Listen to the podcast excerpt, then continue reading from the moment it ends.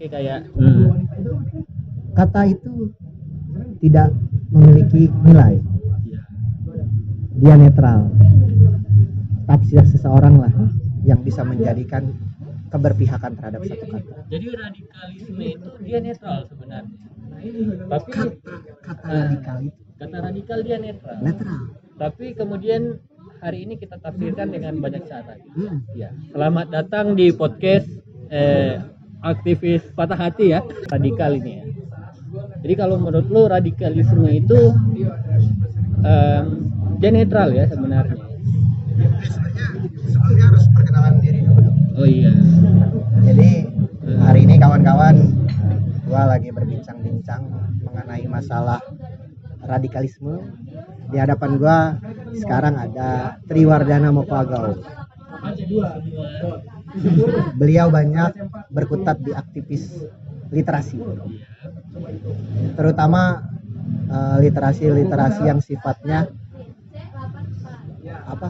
Radikal sifatnya radikal. Bukan. maksudnya radikal dalam soal pemikiran. Filsafat. Filsafat. Filsafat kan berpikir radikal. Tapi radikal dalam filsafat itu justru berbeda dengan radikalisme ini yang pengen kita bahas ya jadi radikalisme dalam konteks ini sih eh, radikalisme yang lagi banyak dibicarain pemerintah sih kalau bahasa Harari itu eh, radikalisme ini kan dia sebenarnya hanya kata ya dia merujuk ke mana nih alam bawah sadar kita itu cenderung ketika mendengar radikalisme itu bom bunuh diri, terorisme, khilafah gitu ya. Jadi akhirnya ditafsirkan secara negatif. Secara negatif. Salah satu cara terorisme yang radikal itu kata Harari itu metode mereka disebut dengan teater mental. Jadi radikal kelompok radikal itu sebenarnya tidak lebih dari lalat yang mengganggu kuping banteng sehingga banteng itu menabrak memporak-porandakan Alfamaret Alfamaret tapi semua akibat porak-porandanya Alfamaret itu itu gara-gara lalat. Lalat inilah teroris itu. Jadi tero- radikalisme ini sebenarnya hal yang kecil tapi efek yang dihasilkan itu besar. Radikalisme itu diumpamakan sebagai suatu hal Hmm, yang dipercaya yang dibuat misalnya oleh pemerintah. Hmm, kita kan pernah tahu kan kalau di masyarakat kan terkenal dengan hutan larangan. Nah itu dibuat itu supaya agar orang-orang itu tidak masuk dan menghancurkan hutan itu. Niatnya baik. Cuma ber- berbeda mungkin dengan hari ini yang kenapa kata radikalisme itu muncul. Mungkin gak sih si kata radikalisme ini dijadikan suatu hantu sama seperti hutan larangan? Seakan-akan kita nggak bisa menyentuh hal ini dan hal ini tuh benar-benar salah dan buruk gitu bisa jadi seperti itu. Tapi kalau menurut gua lebih tepatnya bukan hantu. Dia adalah fiksi ilusi. Yang lagi dimainin sekarang itu kan ilusi. Kayak misalnya kita bisa lihat ini sebagai episode ya. Kayak misalnya drama Korea. Ini banyak episodenya. Episode yang paling penting kenapa ini meledak sebagai darurat terorisme di zaman Jokowi kedua adalah pertama-tama ini dipicu kalau menurut gua dipicu oleh masalah KPK KPK yang mau dimutilasi gitu kan. Dan semua skenario kerusuhan yang dihasilkan oleh demonstrasi yang menewaskan banyak orang sampai pelajar SMA bahkan banyak yang dipenjara itu ditutup dengan penusukan Wiranto yang pelakunya itu nggak jelas. Nggak ada berita dari rumah sakit setempat soal apa namanya kondisi Wiranto yang kemudian dibuka oleh eh, siapa sih Mahfud MD Mahfud MD ini kan dijadiin samsak kalau menurut gua ya, ya dijadiin samsak dengan lu tahu nggak yang baru-baru ini em, salah satu pelaku terpidana korupsi di kebakaran hutan di Riau itu. Diberikan diberiin gerasi. Dan katanya oh ini udah kita udah diskusi kata Jokowi udah diskusi sama MA sama Mahfud MD gitu kan. Jadi mau dijadiin samsak samsak. Gue akhirnya nggak nggak nggak ini nggak. Gue akhirnya wajar ketika misalnya Mahfud MD itu ngomong itu belibet di LC kan. Tahu nggak itu ngomong belibet itu? Ada yang pengen disembunyiin gitu kan dari radikalisme ini. Jadi ini episode-episode aja. Ada juga ya salah satu episode yang ganjil misalnya ada dua kali eh, bom bom ya. Ada di Medan dan di mana itu? Paling jelas itu di Medan di uh, Mapolres. Tapi kenapa nggak jadi isu utama itu kan satu dua hari langsung menguap sedangkan eh, tema besar hari ini adalah darurat terorisme jangan-jangan menurut gua ini direkayasa. Untuk apa ya? Untuk di apa untuk meng, ini investasi loh. Investasi ke dalam pikiran kita wah menakutkan. Terorisme gitu. Tapi kok nggak diungkap ini siapa pelaku korban dan kenapa hanya satu dua hari langsung menguap? Kayaknya kalau gue sih melihat semakin pemerintah mengeluarkan wacana semakin ada yang ingin disembunyikan. Persoalannya apa yang pengen disembunyikan jadi radikalisme alih-alih hantu menurut gue ya kayaknya fiksi ya ilusi ilusi yang pengen diciptain. Salah satu cara untuk membangun kepercayaan publik adalah dengan memobilisasi ketakutan. Ya itu paling efektif. Itu yang paling efektif. Dan siapa pun yang pasti mengkritik pemerintah itu akan dianggap anti pancasila. Ini kan narasi pancasila ini kan dilahirin dari itu ya radikalisme. Jadi yang mengkritik eh, pemerintah dianggap anti pancasila. Yang mendukung pancasila ya berarti anti ini anti radikalisme.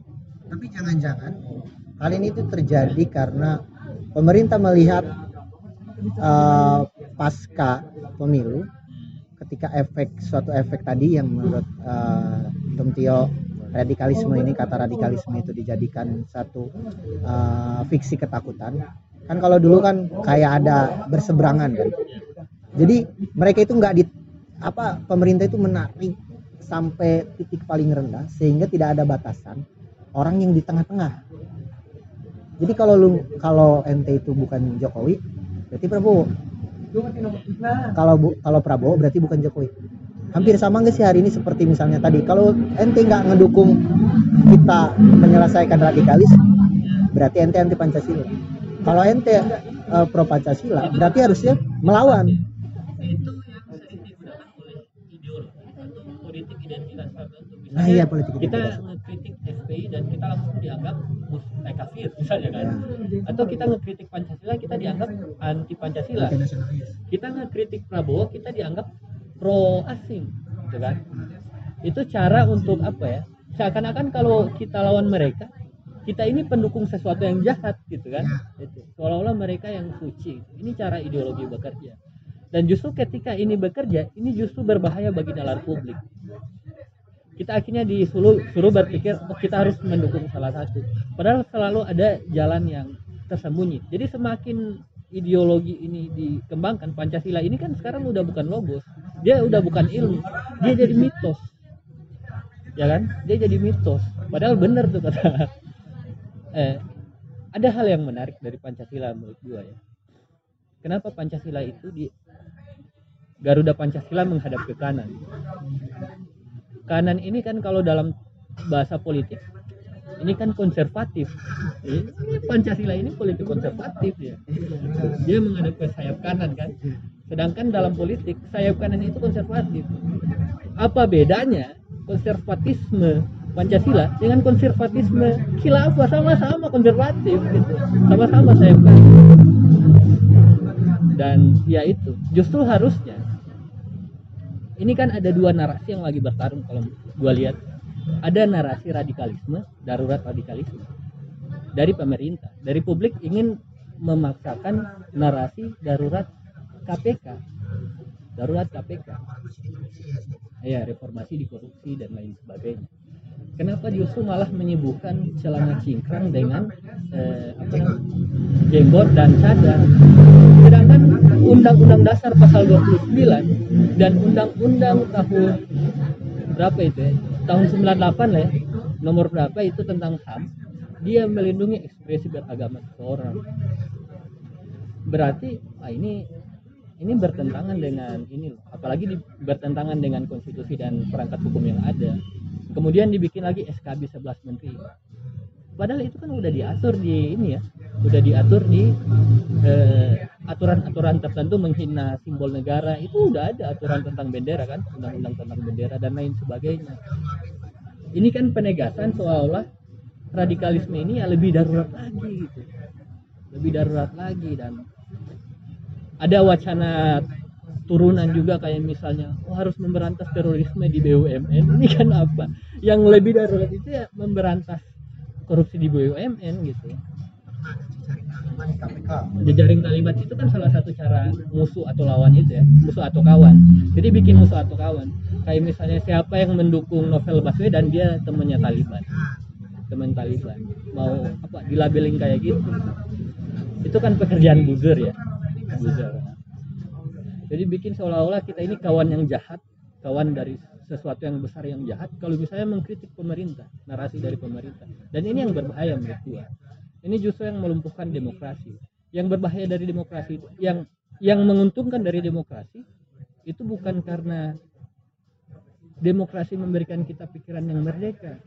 Persoalannya adalah kita itu memilih dan menyuarakan pendapat itu lebih banyak gara-gara emosi ini menguntungkan bagi pemerintah.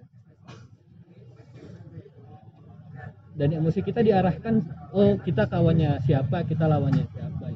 Nah itu yang pengen dibikin. Inilah teater mental. Yang paradoks adalah ciri khas dari radikalisme adalah teater mental kan? Kita dibikin seolah-olah kita menakuti sesuatu yang besar.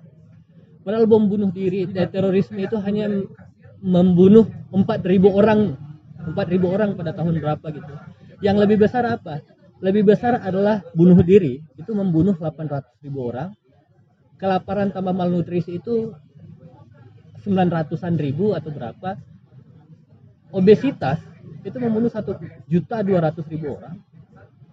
Kecelakaan lalu lintas satu setengah juta orang. Bayangin dengan terorisme yang hanya empat ribu. Ini kan lalat. Korbannya sedikit gitu jadi nggak nggak darurat menurut gua. Nggak darurat. Sebenarnya kan sesuatu itu disebut terorisme ketika mengancam pertahanan dan ketertiban dalam suatu daerah. Kalau gua ngebunuh orang ketika tidak ada unsur mengancam ketahanan negara sama tidak mengurang apa menebar rasa ketakutan di masyarakat itu nggak disebut teroris berbeda kan ketika misalnya walaupun nggak ada korban gua bom panci gitu ya, itu kan menebar ketakutan. Oh jangan-jangan kalau gua ke sini dia ada bom takut. Korbannya kecil tapi ketakutannya besar. Itu ciri khas dari radikalisme. Dan siapa jadi pelaku itu sekarang? Siapa yang menciptakan hal yang kecil tapi dengan ketakutan yang besar? Pelakunya adalah pemerintah.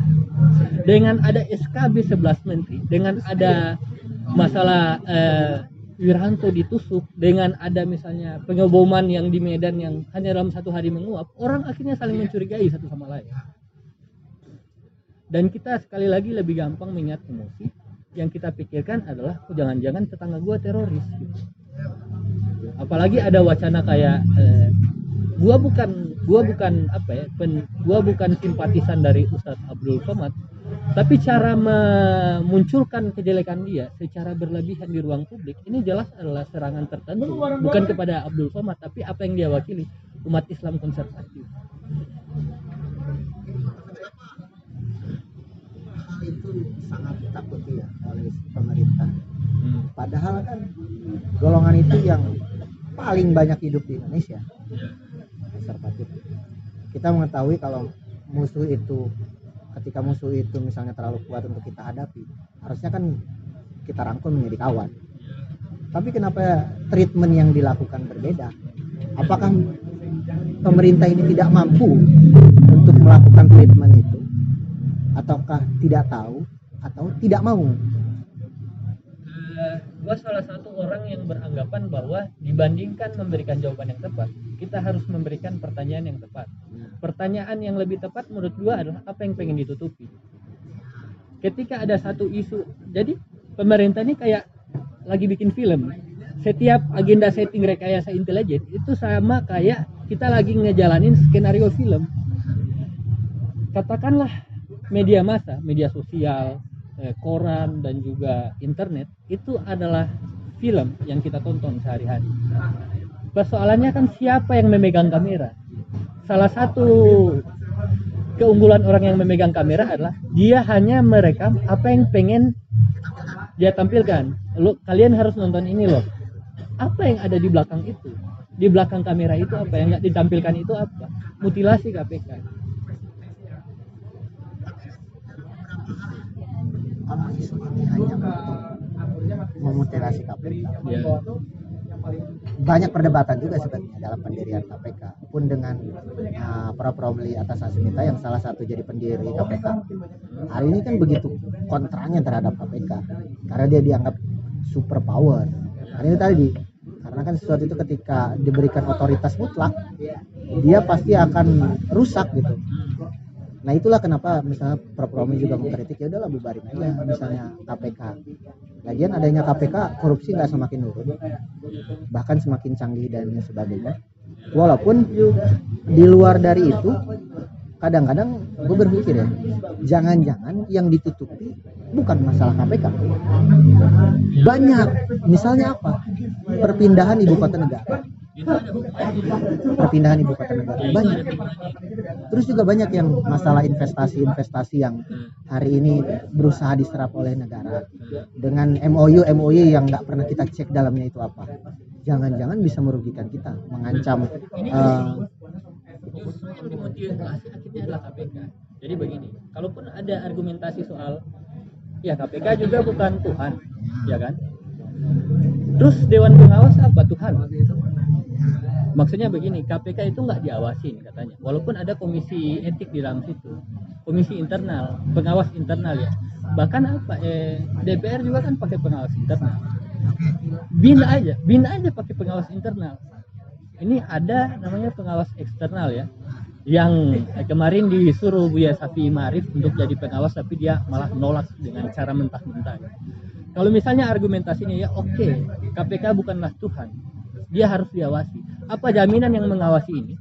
Itu adalah Tuhan. Sedangkan yang mengawasi ini itu dipilih langsung oleh presiden dalam sistem parlementer, eh, sistem presidensial. Kecenderungan abuse of power, eh, penyelewengan kekuasaan yang lebih tinggi itu justru adalah pada presiden. Dan dia hari ini yang menentukan siapa yang akan mengawasi KPK. Masalahnya begini, gara, karena yang milih eh, Dewan Pengawas adalah presiden, yang punya di sistem presidensial yang punya potensi abuse of power, siapa yang mengawasi Dewan Pengawas? Akhirnya kan ini jadi argumentasi yang apa ya? Jadi perdebatan yang mana lebih dulu nih? Telur atau ayam gitu kan? Telur atau ayam. Lembaga lain sama kok. Dewan Pengawasnya internal gitu kan. Iya, ketek ular atau nyari kapan Firaun jual nasi kuning gitu kan nggak mungkin.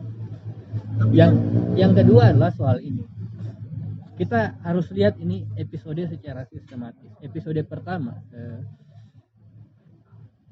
pasca Habibie wafat. Habibie ini kan dia simbol dari demokrasi pasca Soeharto. Dia adalah cikal bakal di mana HAM itu mulai lahir dan KPK itu mulai diwacanakan sampai akhirnya dibuat oleh Megawati yang hari ini ingin dibunuh oleh kerbau kerbau itu sendiri gitu ya, banteng itu sendiri. Dan episode pertama itu episode setelah Habibie wafat adalah satu hari kemudian episode kedua. RUU KPK disahkan.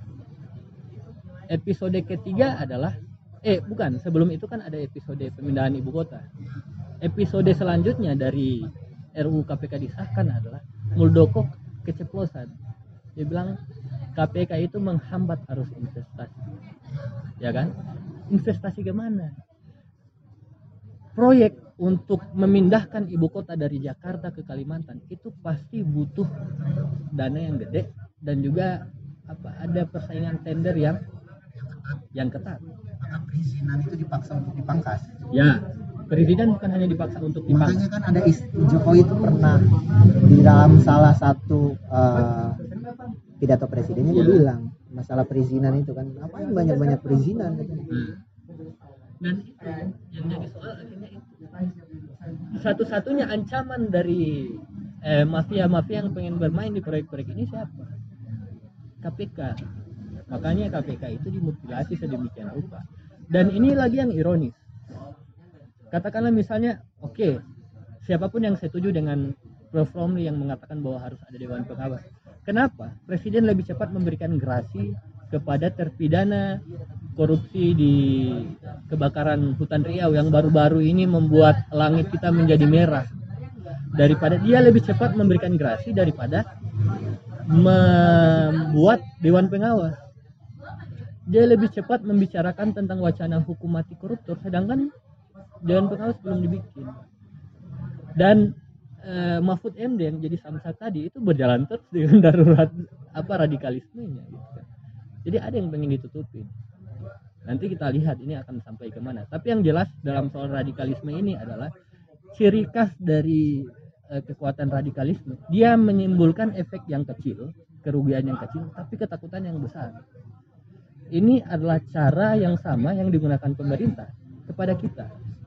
Jadi efeknya kecil kayak misalnya eh, dan efeknya bukan hanya kecil tapi bisa kita perdebatkan penusukan Wiranto, eh, bom di Medan yang cepat menguap, yang mungkin itu hanya manipulasi, tapi ketakutan yang ditimbulkan itu besar. Pertanyaan gua adalah yang radikal siapa?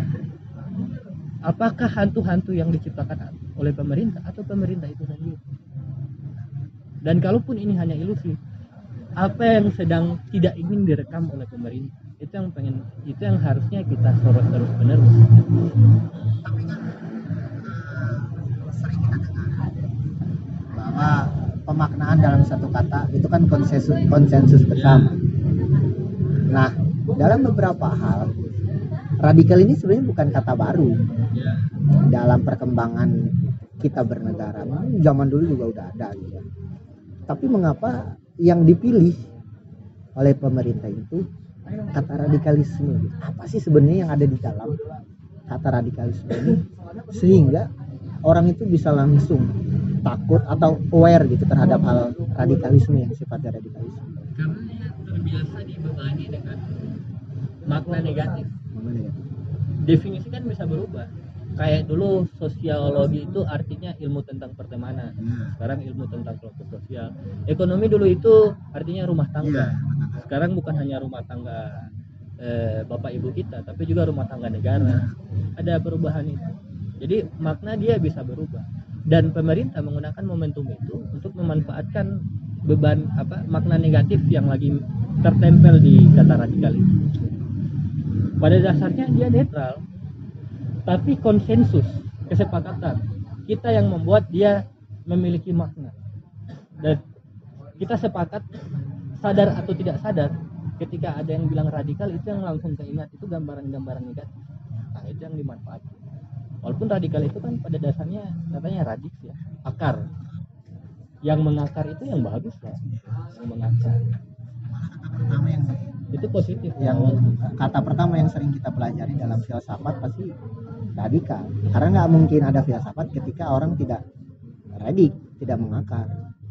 Yang lucunya adalah ini pengen diganti. Bahasa ini pengen diganti dengan manipulator agama. Ini kan kayak lagi meludah ke atas ke atas gitu ke langit ke arah langit ludahnya akan kena ke kita juga. Karena yang lagi memanipulasi agama bahkan memanipulasi rasa takut sekarang itu justru pemerintah. Gua bisa ngajuin satu solusi ya buat masalah radikal. Artinya mungkin masyarakat ini masyarakat itu harus lebih perhatian terhadap pemaknaan satu kata. Walaupun itu sulit sulit ya untuk membuat orang sadar akan bahwa makna kata itu penting. Itu bisa jadi salah satu cara. Kalau gua sih salah satu cara yang gua tawarkan adalah kita harus mulai membangun ruang publik di mana kita mengkritisi Pancasila. Karena ketika tiap kali kita mengkritik masalah radikalisme dan narasi-narasi publik itu sekarang kita lagi dimainin dengan oh lu anti Pancasila.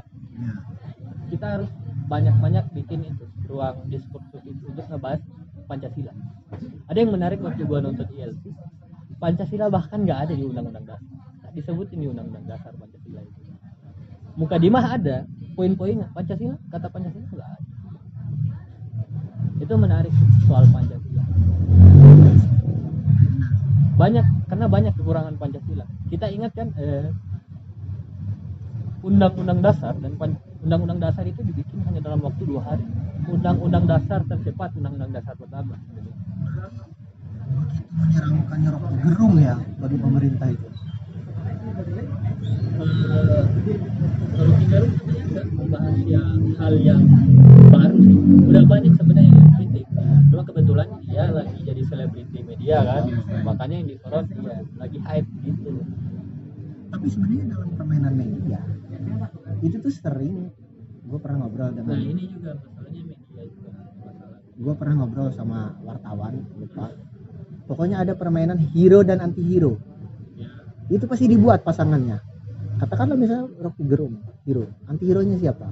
Misalnya dulu Ustadz Abdul Somad anti hero hero nya siapa? Tuan Guru Bajang. Ya nah itu tuh permainan media sering kali seperti itu. Sehingga kadangkala itu tadi narasi orang baik orang jahat itu tuh benar-benar ter apa ter melekat gitu di otak kita. Orang itu kalau lagi bos kenapa orang itu suka nonton misalnya UFC ya? Atau cewek suka nonton eh ibu tiri jahat berantem sama anak tiri anak tiri baik gitu ya. Atau audisi musik ada kisah sedihnya? Iya ada kisah sedih. Atau misalnya juri Indonesian Idol berantem. Penonton senang dengan pertengkaran. Jadi kalau ada satu sosok yang muncul harus ada lawannya. Yang lucu apa? Nadiem Makarim kan ngebahas soal ini ya. Baru-baru itu ngebahas soal eh, ijazah bukan segala-galanya terus ada media ya media yang judulnya gini. Nadiem Makarim singgung ijazah itu bukan segala-galanya. Dia menyindir siapa? Tanda tanya gitu kan. Dia mungkin nggak menyindir siapa siapa gitu. Maksudnya dia nggak menyindir siapa siapa tapi media pengen ada lawan gitu. Untuk apa? Penjualan ini rating TV misalnya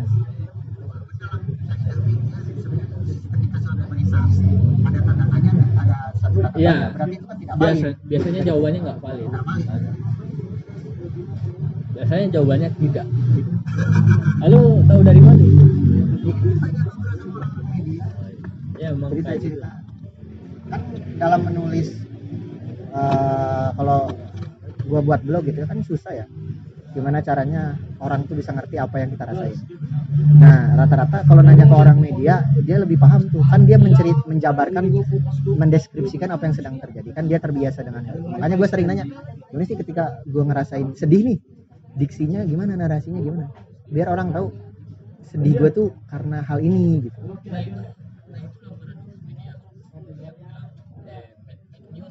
Good news. Good news dan itu itu adalah cara berpikir yang beda karena akhirnya apa ya? Karena berita-berita yang keluar itu berita jelek kita seolah menganggap oh, semua dunia ini jelek gitu kan. Tanpa melihat sebenarnya banyak kemajuan angka kemiskinan berkurang jumlah kematian gara-gara kriminalitas terorisme terutama itu berkurang jauh jauh berkurang. Jumlah peperangan berkurang bahkan yang harus kita takuti sekarang itu masalah kesehatan mental kesehatan mental masalah obesitas. Ah, ketika gue selesai nonton itu kan hmm. gue anggap "Ih, ini jangan-jangan kita tuh kita ini ngalamin kesehatan apa gangguan mental yang tanpa kita sadari. Ya. dan kita malu untuk menceritakan dan orang itu nggak nggak aware dengan hal itu. Gue sempat diskusi tapi dari hasil diskusi gue sama pemerintah dia lebih nggak nggak fokusnya ke sana hari ini padahal kan dengan dunia yang hari ini serba digital yang ada istilahnya post truth kan orang lebih banyak menerima berita dibanding mengklarifikasi berita. Informasi. Masalah apa sih teh? Eh, kecepatan. Traffic masalah traffic berita. Makanya kan muncul big data dan sebagainya. Bahkan waktu itu kayak ini aja kayak misalnya semakin lalu lintas padat dan cepat semakin padat dan cepat semakin kita masa bodoh dengan apa yang di kiri kanan. Padahal yang paling penting yang di kiri kanan. Kalau misalnya hari ini banyak aktivis yang bilang kita harus melakukan loncatan lebih cepat lebih cepat lebih cepat gua kok lama-lama merasa agak pesimis. Kenapa? Karena orang yang berjalan cepat itu biasanya nggak menyadari hal-hal yang penting yang terlewat. Makanya sekarang itu selain globalisasi lu tahu nggak? Ada tren namanya globalisasi globalisasi Iya. jadi melambat. Melambat. Gara-gara orang muak dengan kecepatan kita kan sekarang justru mem- memberhalakan kecepatan itu sendiri. Makanya sekarang kan banyak orang mulai beralih ke spiritual. Karena spiritual itu sholat misalnya lima waktu itu membuat kita berhenti sejenak dalam kecepatan mengatur napas dan lain sebagainya. Dalam beberapa isu-isu yang kayak waktu itu pernah ada masalah pencurian data hmm. Itu sebenarnya di, di zaman hari ini keamanan data kita itu kan sangat terancam. Ya. karena kan dengan orang punya data mereka itu dengan mudahnya mengakses kita itu di mana keluarga kita siapa dan sebagainya. Seperti yang kita ketahui dalam film-film kayak 007 kan? Kalau nggak Mission Impossible itu kan jadi hal yang sangat berharga ya bahkan beberapa kali orang berubah ganti-ganti data hanya untuk melindungi diri pribadi. Nah masalahnya hari ini undang-undang perlindungan data gua lupa itu berapa itu tuh hanya jadi peraturan menteri. Permenkominfo yang harusnya digenjot untuk penyelesaiannya. Karena di undang-undang itu dalam salah satu hukumannya ketika perusahaan kan ada salah satu perusahaan maskapai yang ketahuan kan datanya bocor itu. Nah, dalam undang-undang itu ketika dari maskapai itu maskapai itu bocor. Data Cloud. digital. Digital, Cloud. cloud. Nah itu jadi persoalan. Masalahnya begini cloud itu kan disimpan di mana sih? Di satelit ya? Ya. Persoalannya belum ada hukum tentang tata ruang udara. Ya kan? Belum ada hukum tentang tata ruang kita menentukan zona ZEE itu ya zona antar laut lima teritorial laut kita dan negara. Ada kan di sekitar situ itu bebas gitu ya yang non negara masalahnya bagaimana soal langit? Itu jadi permasalahan itu. Jadi mulai mau diwacanakan sekilas gua ngedengar berita itu. Jadi ketika di satu eh, ruang udara mau ruang udara atau ruang hampa teknologi satu negara itu tidak bisa menjangkau itu. Itu jadi udara bebas.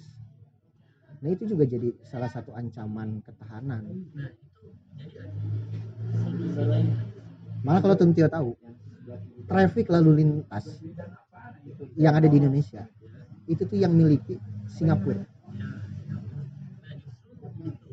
persoalan ini bukan persoalan nasional harusnya menginisiasi soal ini itu ya katakanlah PBB atau misalnya PBB bikin yang khusus ya masalah apa ada satu tokoh namanya siapa ya lu pernah baca nggak eh,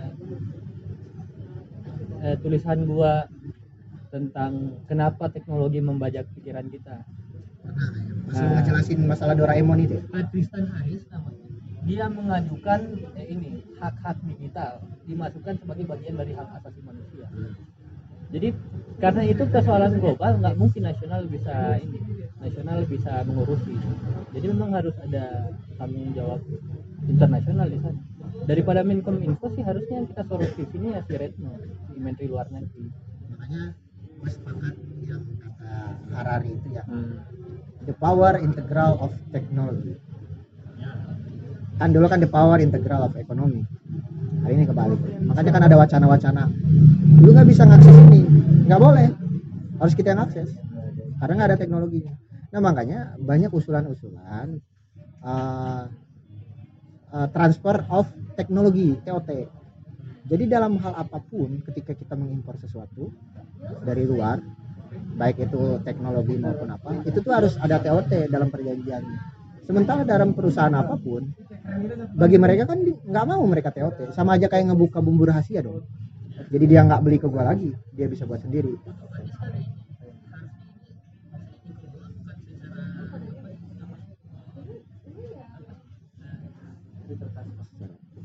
secara publik.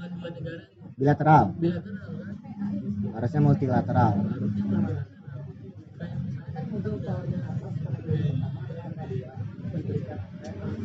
Perdagangan. Organisasi perdagangan internasional. Oh. WTO WTO ya? WTO WTO ya? World Trade Organization. Tapi kan masalahnya kan kadang kala ya. Yang jangan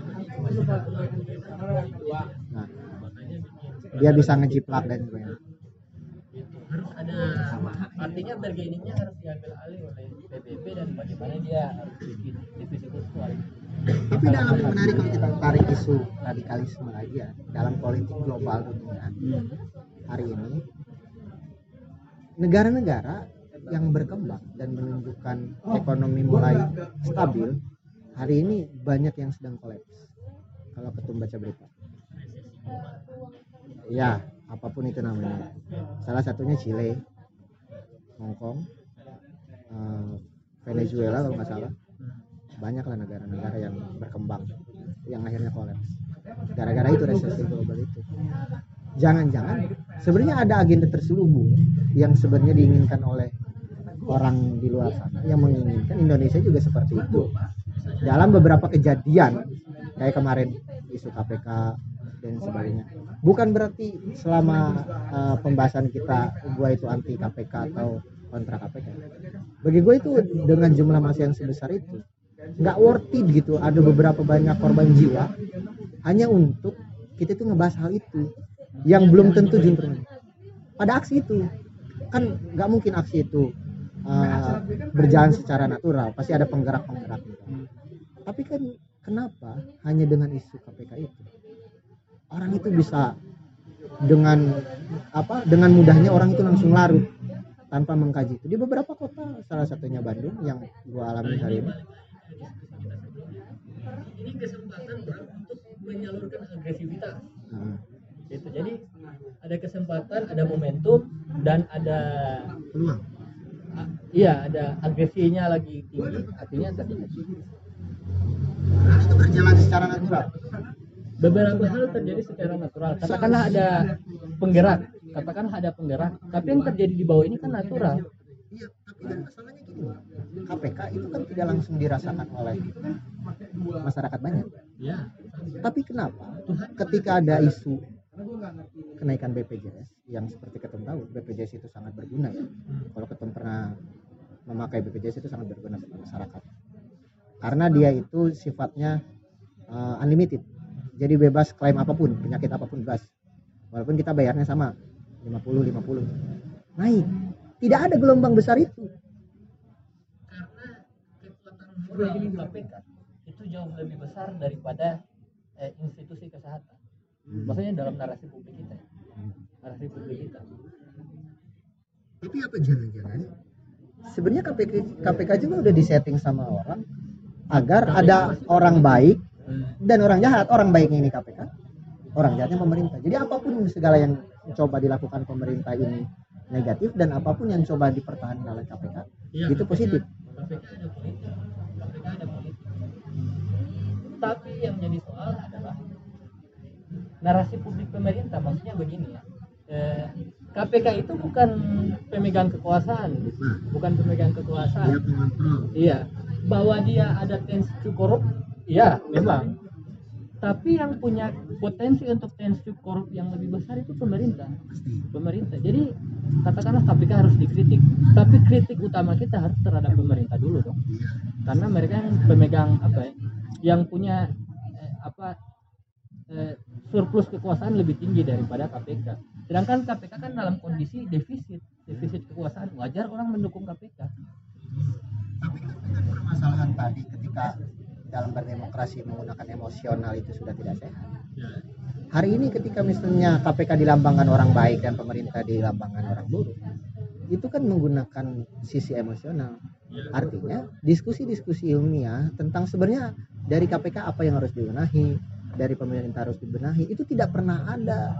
masalahnya begini pemerintah juga ketika memutilasi KPK tidak menggunakan narasi lebih parah gara-gara dia menggunakan narasi yang ingin dia lawan dia ingin melawan terorisme dengan cara menutup ini KPK kasus KPK lu di seberang ini seberang eh, layar kita gitu. dia pengen melawan musuh dia dengan cara yang sama. Kalau kata Nietzsche orang yang melawan monster jangan sampai dia menjadi monster. Hari ini pemerintah telah 12 Cuma kan dalam beberapa sebenarnya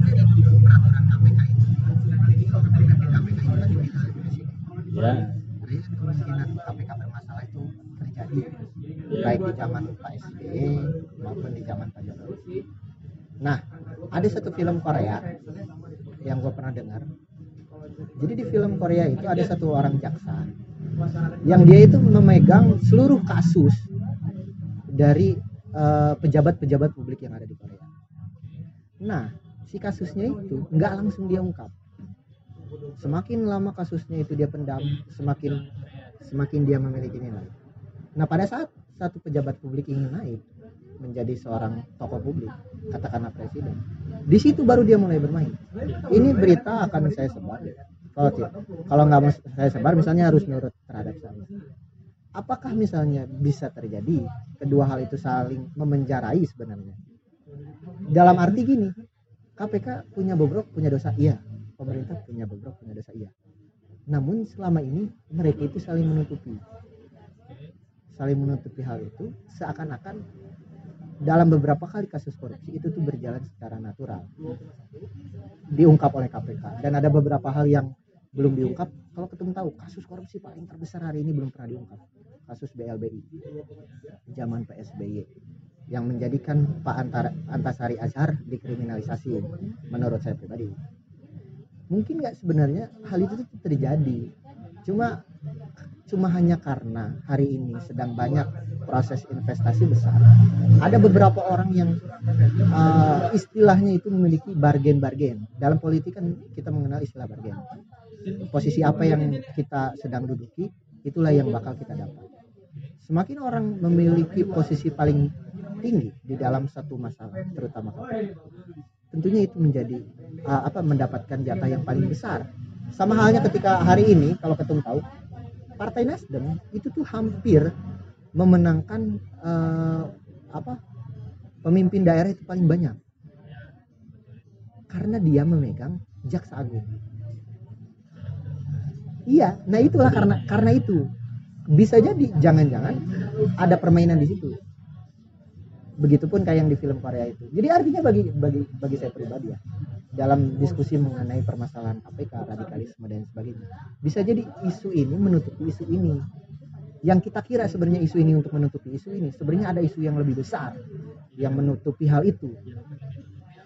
Yang lebih ditutupi itu tadi masalah uh, apa perpindahan ibu kota dan lain sebagainya. Itu kan itu salah satu episode dari KPK tapi bagi saya itu tuh jadi hal yang paling sebenarnya paling urgent kenapa hari ini nggak dibahas. Nah si KPK lah yang digunakan. Karena tadi memiliki nilai moral tadi sehingga orang lebih berbondong-bondong uh, ngebahas masalah KPK dibanding masalah perpindahan negara. Ya simpulnya adalah di KPK tapi simpulnya ada di KPK dia bertabrakan dengan misalnya perpindahan ibu kota.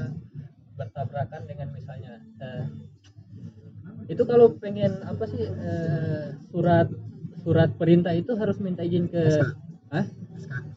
ke siapa iya surat pemerintahan ini penggeledahan misalnya kan harus minta izin dulu Sprindik, sprindik. nah sprindik misalnya harus minta izin ke jaksa atau ke MA sih Penyidik. Nah dia kalau nggak salah itu harus minta izin ke jaksa kan. Jaksa kan dipegang oleh adiknya siapa tuh yang PDIP. Katakanlah, iya katakanlah aku bukan politisi tapi pernah jadi anggota partai gitu, kan. Kalaupun misalnya mau dibilang, oh ini jangan-jangan menutupi masalah Nasdem yang hari ini telah eh, melakukan apa peternakan kepala daerah kan, peternakan. Soalnya salah satu bupati di daerah gua juga jadi korban dia gitu kan, tiba-tiba pindah di Nasdem gitu tapi bukan kasus korupsi ada kasus hukum memang. Itu sekali lagi bagian dari pemerintah. Nasdem itu. Radikalisasi kan? Hmm. berulang kali melebar masalah KPK partai diksi kata terus hukum luar negeri industri eh, dalam negeri dan sebagainya. Artinya sebenarnya yang harus dilakukan oleh masyarakat elemen masyarakat elemen mahasiswa dan sebagainya kita harus lebih jeli dalam menilai mana sebenarnya yang harus kita segera sikapi dan dengan apa kita sikapi dengan cara apa. Dengan tadi yang bilang tadi kita kan hari ini globalisasi sehingga orang muak dengan kecepatan. Apakah misalnya ketika orang muak dengan kecepatan kita menggunakan buzzer itu efektif? Sangat tidak efektif tentunya karena kan pemerintah adalah pembuat hoax yang paling mujarab saya sepakat kata Rocky Gerung saya pernah diskusi ya sama orang di Skominfo waktu itu. Membahas kenapa akses internet di Papua ditutup. Saya bilang nggak sepakat. Itu adalah ciri kegagalan pemerintah. Dalam beberapa hal harusnya pemerintah itu jadi media informasi paling yang dipercaya oleh masyarakat. Seperti gini kalau ketum nyari info tentang uh, masalah masalah uh, korban eh korban bencana alam pasti ke Twitter mana? Kalau gempa misalnya nyari ke akun Twitter mana? BMKG kan? Maksudnya BMKG kan? Nggak pernah kita nyari berita yang lain dan kita langsung percaya ke BMKG maksud gue poinnya kenapa pemerintah nggak mencoba menjadi media itu tuh kredibel gitu di mata masyarakat dibanding dia ngeluarin berita-berita yang sifatnya malah hoax tadi karena kan ketika misalnya saya pengen tahu kericuhan di Papua misalnya pemerintah nggak buka suara kenapa apa yang terjadi kenapa yang terjadi dan sebagainya. Itu tadi mungkin karena pemerintah yang megang kamera. Jadi kita nggak nggak boleh melihat hal ini kita hanya boleh melihat hal itu. Makanya hal itu sulit saling berkesinambungan.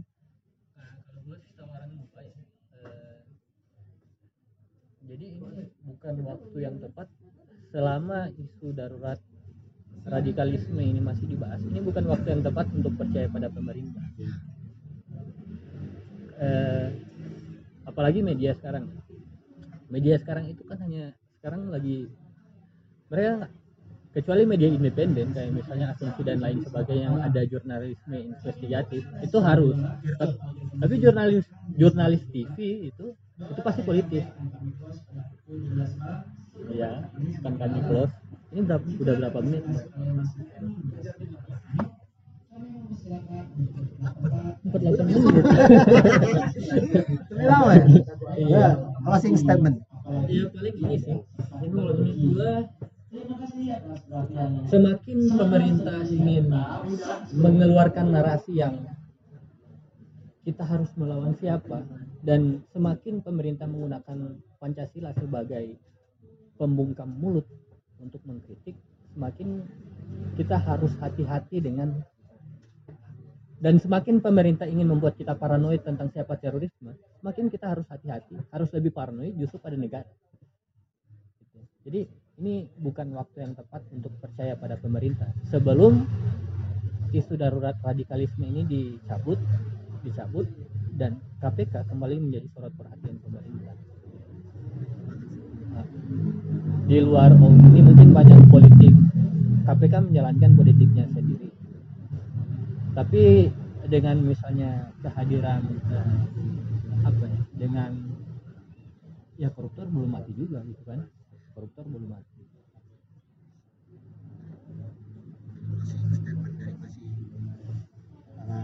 terkait permasalahan radikalisme ya sebenarnya kita harus uh, bisa mendefinisikan atau uh, istilahnya itu apa ya?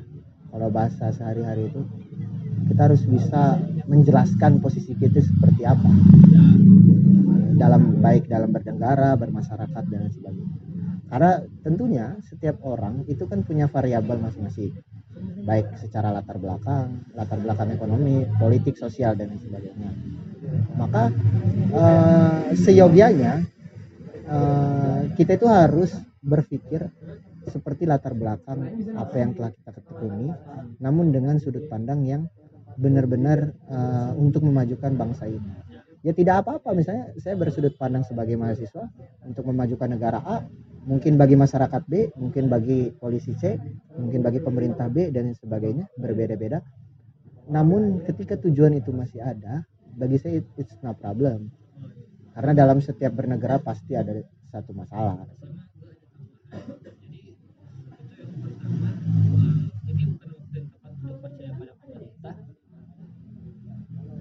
Yang kedua adalah kita mesti membuka banyak ruang diskusi, ruang diskusi untuk bagaimana cara kita mengkritik Pancasila. Karena sekarang Pancasila itu lagi jadi mitos ya.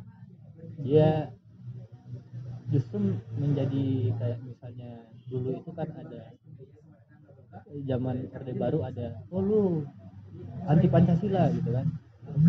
Komunis. Dia jadi dalam mekanisme itu loh mekanisme kami lawan mereka gitu. Seolah-olah yang mengkritik pemerintah itu anti pancasila. Jangan-jangan yang anti pancasila itu pemerintah sendiri.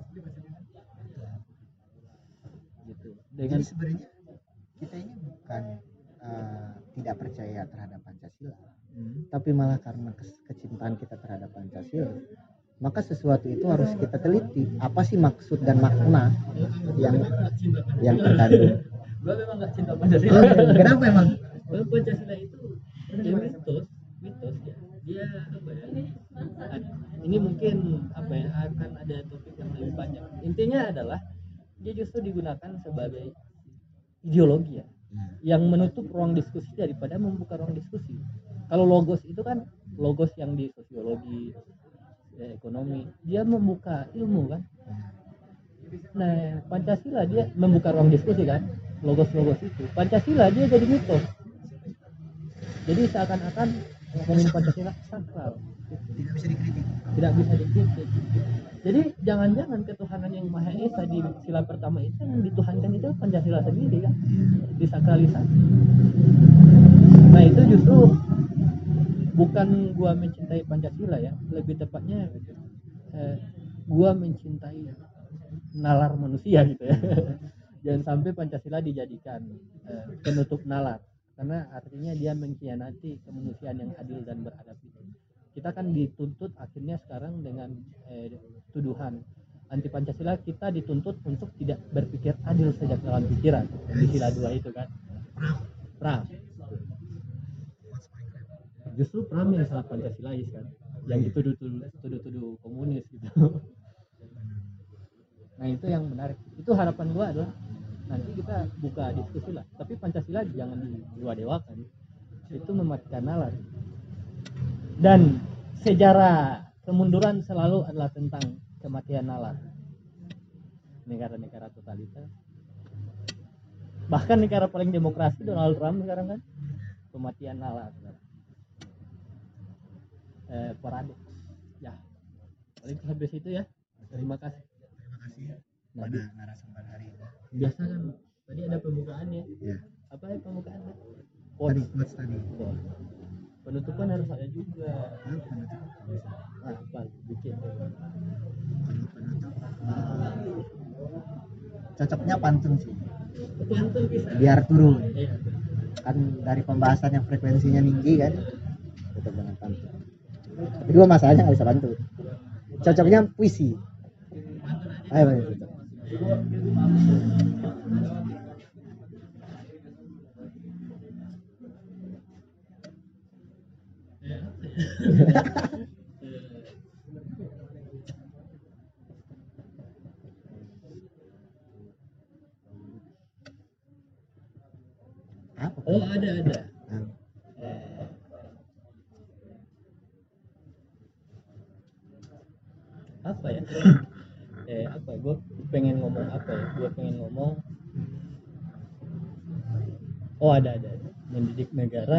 dengan kritik gitu ya. Jadi cari persamaan ujung-ujungnya kan eh, mendidik negara adalah dengan kritik. Rima rimanya. Menyuntik kura-kura